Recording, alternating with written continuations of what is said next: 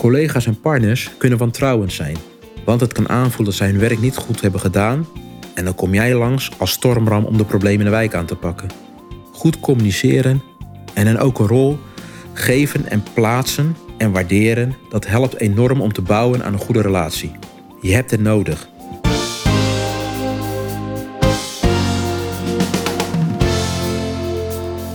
Welkom bij het Schaap met de Vijf Poten podcast.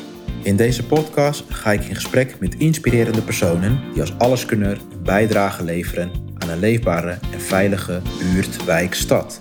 Hierbij kan worden gedacht aan aanpak van jongerenoverlast, aanpak van drugscriminaliteit en handel daarin en problemen achter de voordeur aanpak. Dit doe ik door het delen van tips, handigheidjes, interviews en bespreken van praktijksituaties. Ik ben Gerald Denijn, de host van deze podcast en verbinder in de samenwerking binnen het sociaal domein, leefbaarheids- en veiligheidsdomein. Ik wens je veel luisterplezier.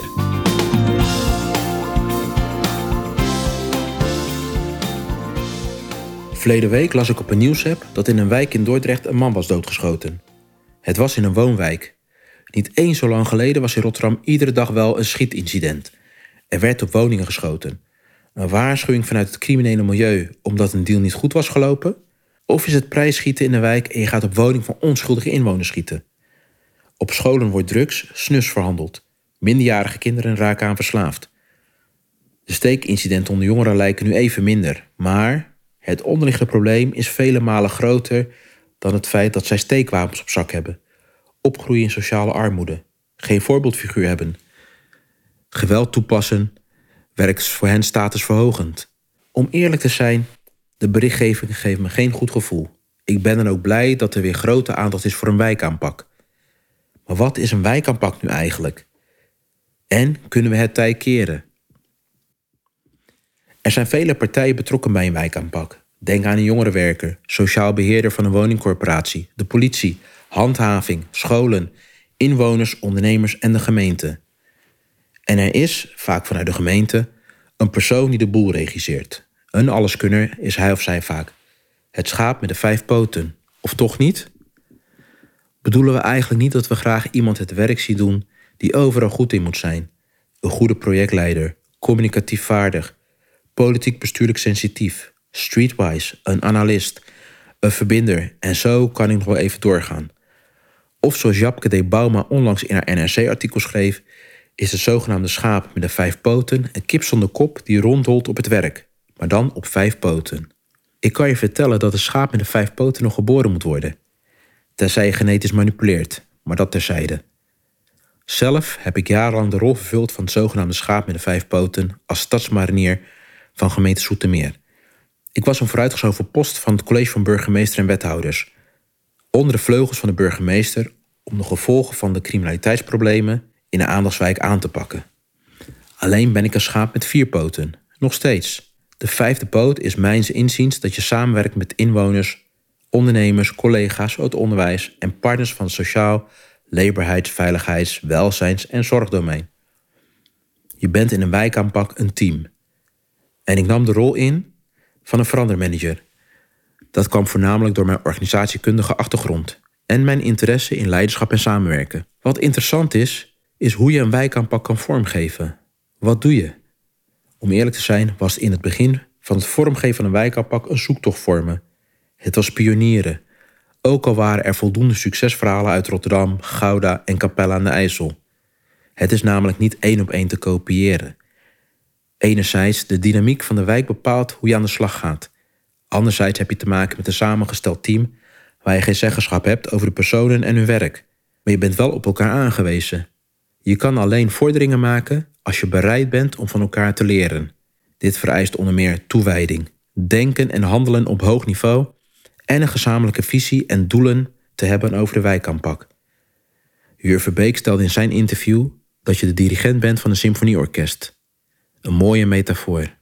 Het zal je niet verbazen dat de inzet op het onderhouden van een goede relatie met je samenwerkingspartners essentieel is.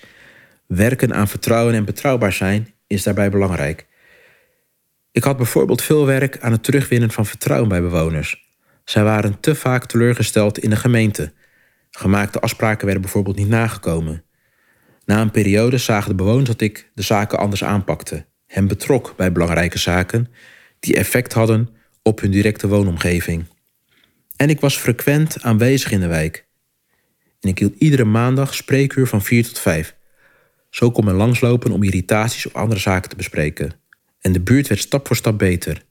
Overlastgevende bewoners werden aangepakt. Hangjongeren kregen een rol in het verbeteren van de buurt. En er was ook aandacht voor de sociaal-economische achterstand bij bepaalde gezinnen. Collega's en partners kunnen wantrouwend zijn, want het kan aanvoelen dat zij hun werk niet goed hebben gedaan en dan kom jij langs als stormram om de problemen in de wijk aan te pakken. Goed communiceren en hen ook een rol geven en plaatsen en waarderen, dat helpt enorm om te bouwen aan een goede relatie. Je hebt het nodig. En niet in de laatste plaats om aan relevante informatie en data te komen. Want met data kun je mooie dingen realiseren, ook in een wijkaanpak.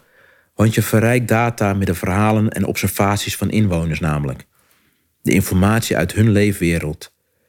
De data kan bestaan uit politiecijfers, gegevens uit de leefbarometer, informatie vanuit handhaving, informatie vanuit jongerenwerk, informatie zelfs vanuit bewoners en ondernemers. Iedere week werd een kaart bijgewerkt. We werkten namelijk met een grote plattegrond. Ik had beter zicht wat er gebeurde in de wijk en was zodoende in staat om beter te sturen op wat nodig was qua inzet. Partners en ikzelf waren ook beter voorbereid om de gesprekken aan te gaan in de wijk. De echte gesprekken. Op basis van de actuele informatie. Kon ook beter worden nagedacht wat de wijk nu nodig had voor lange duur. We gingen op basis van de data focus aanbrengen. Wat is nu relevant om op te pakken? Gaan we bijvoorbeeld voor het vervangen van alle openbare verlichting in de gehele aandachtswijk? Of doen we het gefaseerd? Maar kunnen dan het wel het overhoekende groen bijvoorbeeld snoeien, zodat het s'avonds minder onveilig aanvoelt om er langs te lopen? En wat kunnen we doen aan de toename van gezinnen met meerdere problemen? Hoe kunnen we hen specifiek helpen? Maatwerk bijvoorbeeld leveren? En je ontkomt er in je wijkaanpak niet aan, de persoons- en gezinsgerichte aanpak. Want het gaat om mensen. Je hebt bekende aanpakken zoals de top 600 van Amsterdam. Overigens, uit een recent artikel van criminoloog Timo Peters in de Correspondent is een kritische kanttekening geplaatst over de top 600 aanpak. Specifiek de harde aanpak in de diamantenbuurt. Want het gevaar schuilt erin dat een harde aanpak ook slachtoffers maakt. In de wijkaanpak die ik aanstuurde was er ook sprake van harde aanpak. Zero tolerance, naast perspectief bieden.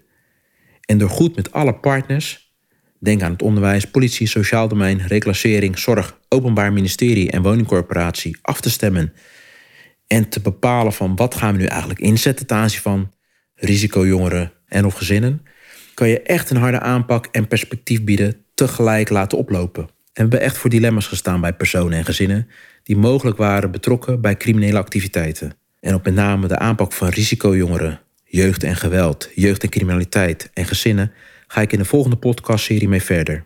Als laatste wil ik meegeven dat de uitdaging ligt in het feit dat een wijkaanpak ook voor heel lange tijd is. Oftewel, het moet duurzaam zijn. En hoe ga je met hetgeen wat echt werkt in een wijkaanpak het vasthouden en borgen, zoals het mooi heet? John van Westerbrug gaf in zijn podcastaflevering aan, buiten de lijntjeskleuren, dat dat echt een aandachtspunt is. Benieuwd hoe je bepaalde risico's kan duiden en kan mijden? Stuur mij een DM op info.pact.nl, pact met P-A-K-T. En je ontvangt de weergave van het rapport van mijn werk als stadsmarinier, met daarin wat risico's kunnen zijn en wat je eraan kan doen. Dank voor het luisteren en tot de volgende podcastaflevering. Leefbaarheid en veiligheid in een buurt, wijk, stad. Er zijn grote begrippen waar iedereen wel een bepaald beeld bij heeft en een mening. En wie wil er nou niet wonen, werken, ontspannen in een leefbare en veilige buurt, wijk, stad? Er zijn de alleskunners, zoals een wijkagent, burgemeester, leerkracht, handhaver, jongerenwerker, gemeenteambtenaar die samen met inwoners en ondernemers voor een leefbare en veilige buurt, wijk, stad gaan. In de podcast Het Schaap met de Vijf Poten komen verschillende zienswijzen, methodieken, tips en handigheidjes aan de orde. Waar jij je voordeel mee kan doen hoe een buurt, wijk, stad leefbaarder en veiliger wordt. Ben je enthousiast? Abonneer je op deze podcast en laat een review achter. Hoe meer reviews worden ontvangen, hoe meer mensen deze podcast vinden. Zo zorgen we samen voor het delen van kennis en kunde om de leefbaarheid en veiligheid in de buurten, wijken, steden te vergroten. Het schaap met de vijf poten. Deze podcast wordt je aangeboden door Gerald Denijn, de verbinder in het samenwerken binnen het leberheids- en veiligheidsdomein en het sociaal domein.